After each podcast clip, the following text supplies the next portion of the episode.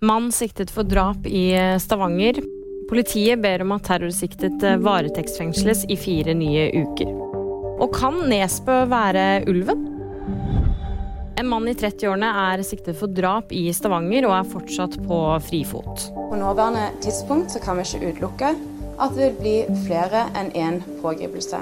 Det sier politiadvokat Marita Hagen. Politiet fant lørdag kveld en mann i en leilighet i Stavanger. Mannen, som var i 40-årene, ble kort tid senere erklært død. Både avdøde og siktede er kjent for politiet fra før.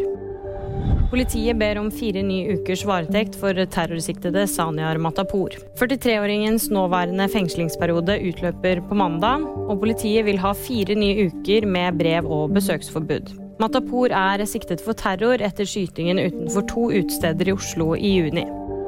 I en kort tid lørdag så sto det på forfatteren Jo Nesbø sin Wikipedia-side at han i 2022 deltok som ulven i Maskorama. Lørdag kveld så ble det fjernet.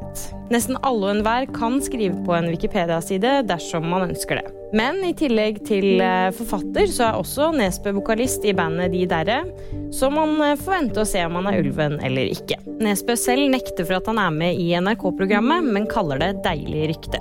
Og VG-nyhetene de fikk du av meg, Kaja Marie Andreassen.